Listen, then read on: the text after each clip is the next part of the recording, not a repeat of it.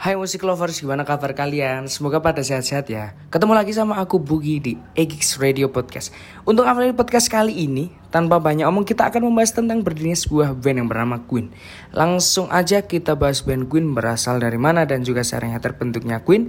Teman-teman, band Queen sendiri adalah band asal Inggris Kalian semua pada tahu dong, mempunyai empat personil di mana Freddie Mercury sebagai vokalis.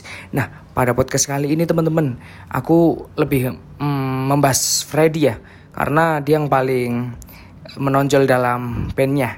Nah, Freddie sendiri mempunyai single lagu untuk kekasihnya yang berjudul Life of My Life, yaitu Mary Austin.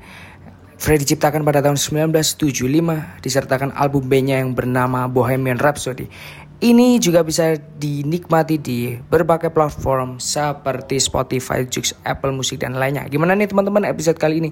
Seru kan? Semoga kalian seneng dengerin podcastku. See you next episode. Where was enthusiast find their taste?